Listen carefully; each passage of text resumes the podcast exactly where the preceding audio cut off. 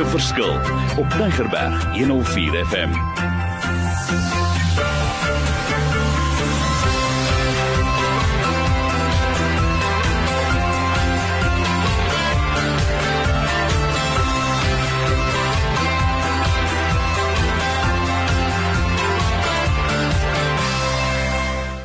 Goeiedag, my naam is Mario Denton en jy is welkom by die reeks wat gaan oor karakter is vir my so lekker kosbare onderwerp.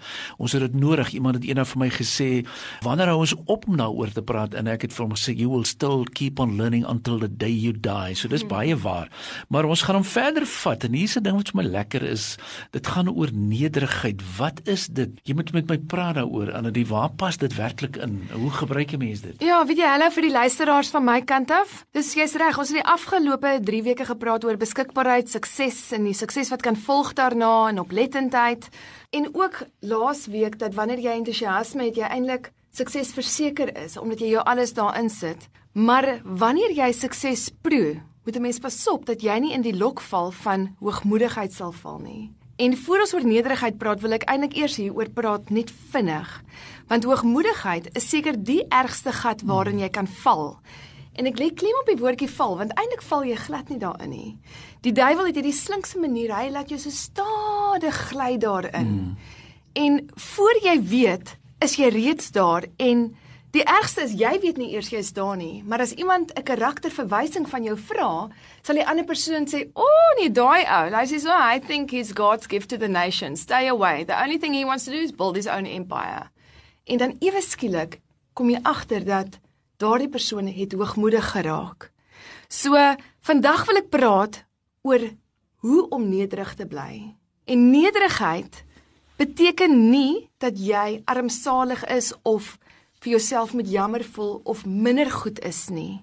Wat amazing is van nederigheid is dat jy weet, dit is nie jy wat so amazing is nie.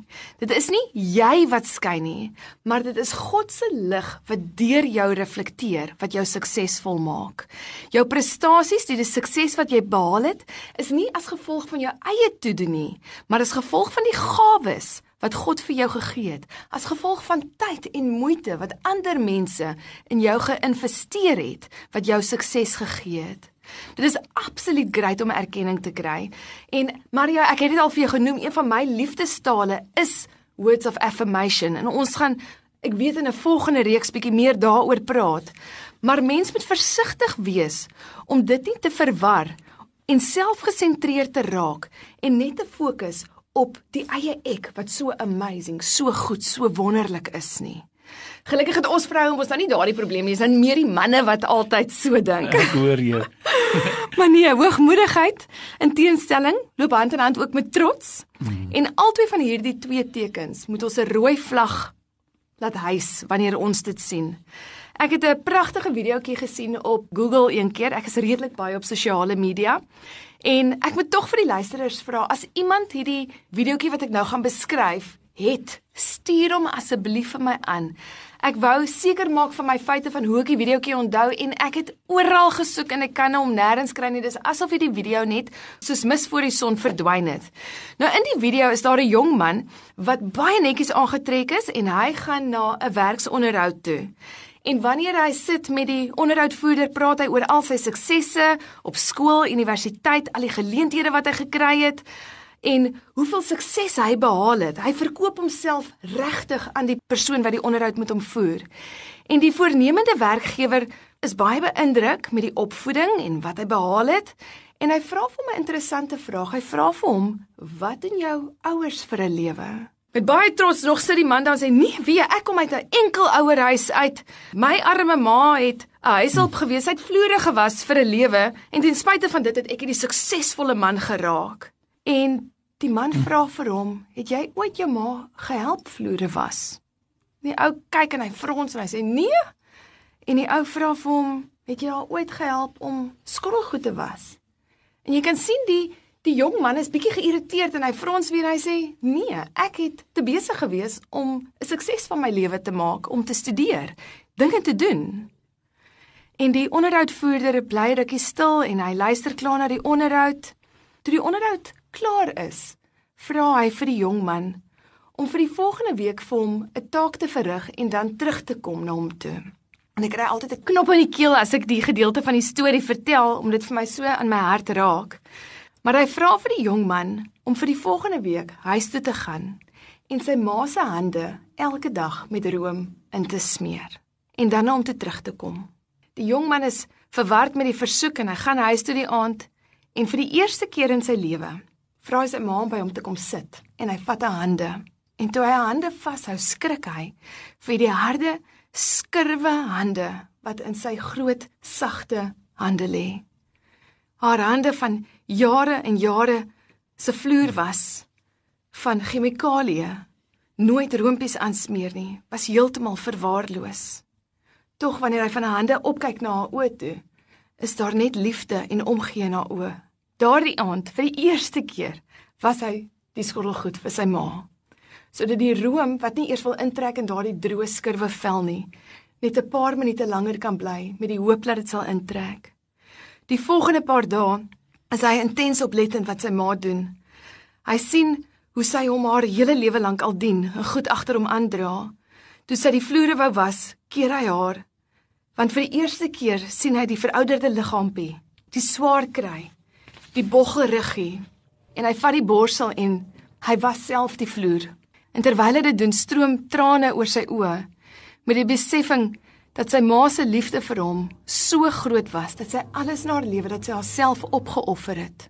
En hy besef, was dit nie vir al die niks seggende dade wat sy ma gedoen het nie, sou hy nooit die man gewees het wie hy vandag is nie. Mm perfekte voorbeeld. Sjoe, Heer het vir my so mooi verduidelik en ek hou van die deernis en die opregtheid en ek weet ander die daar sit vandag mense buite wat kan getuig hoorie dis my ma of dis my moeder of dit is waar ek was en die geleentheid wat ek gemis het so so my kosbaar. Asseblief ek wil dit net vir jou bevestig, hoor. Mm, ja, weet jy en verder net as as ons ouers wat vir ons die vermoë en die geleenthede gegee het om sukses te behaal wat hmm. Dalk lenings moes uitgeneem het om vir ons universiteite te stuur of vir die sportman wat dalk nou 'n WP speler is of Springbok speler is, die ure wat die ouers ingesit het om by die regte mense te kry, so ook is dit met met Jesus.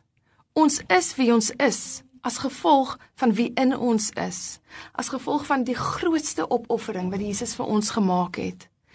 Wanneer jy vandag met 'n persoon gaan sit en jy vra vir die persoon, "Wat het jou suksesvol gemaak?" Wat gaan jou antwoord wees? Gaan jy sê die studies of gaan jy Jesus die erkenning gee en sê, "God het my soveel talente gegee. Ek is hier vandag omdat daar 'n man met die naam van Jesus was wat sy lewe vir my opgeoffer het sodat ek kan lewe en lewe in oorvloed kan hê." Gaan jy erkenning aan jou ouers gee en sê, "Weet jy wat? Ek het die volgende suksese behaal as gevolg van hierdie amazing ouerpaar wat ek gehad het wat vir my 'n voorbeeld gestel het. En ek dink dis regtig iets wat op my hart lê. Moenie as gevolg van suksese in die lewe wat jy behaal het, jou wortels vergeet nie. Don't forget your roots. Onthou van waar jy afkom. Onthou wie het jou gemaak. Onthou wie het vir jou talente gegee. Onthou wie het vir jou die geleenthede op aarde gegee om daardie talente te beoefen. Joh, dit is so pragtig en en dit gaan baie oor soos jy sê, hoe definieer ek sukses en wat is die rede daarvoor en waar kom dit vandaan? Mm. Pragtig, nee. Is daar wat dan, wil jy vir ons sê nog challenge? Dan ons uitdagingkie die week op 'n ligter noot. Ek wil sommer sommer 3 uitdagings hierdie week gee omdat nederigheid vir my so so na in die hart lê. Die eerste enetjie is maklik. Gaan sê dankie.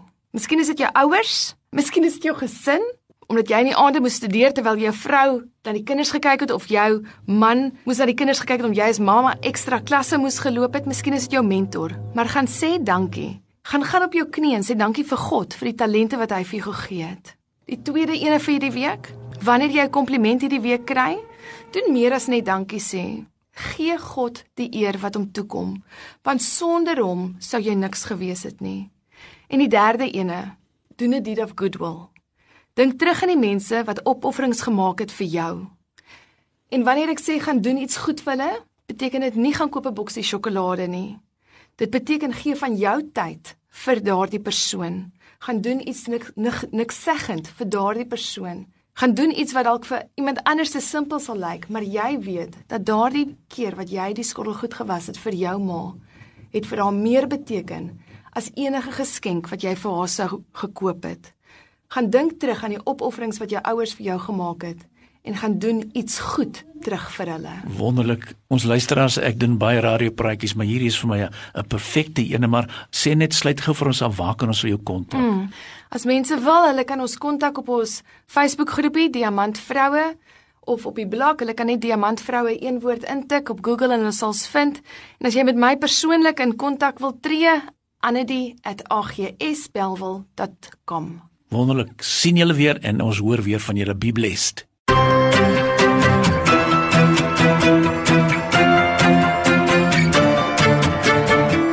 Opnames van Maak 'n Verskil is te kry op Potgooi via Tigerberg 104 FM se app of te wel toepassing.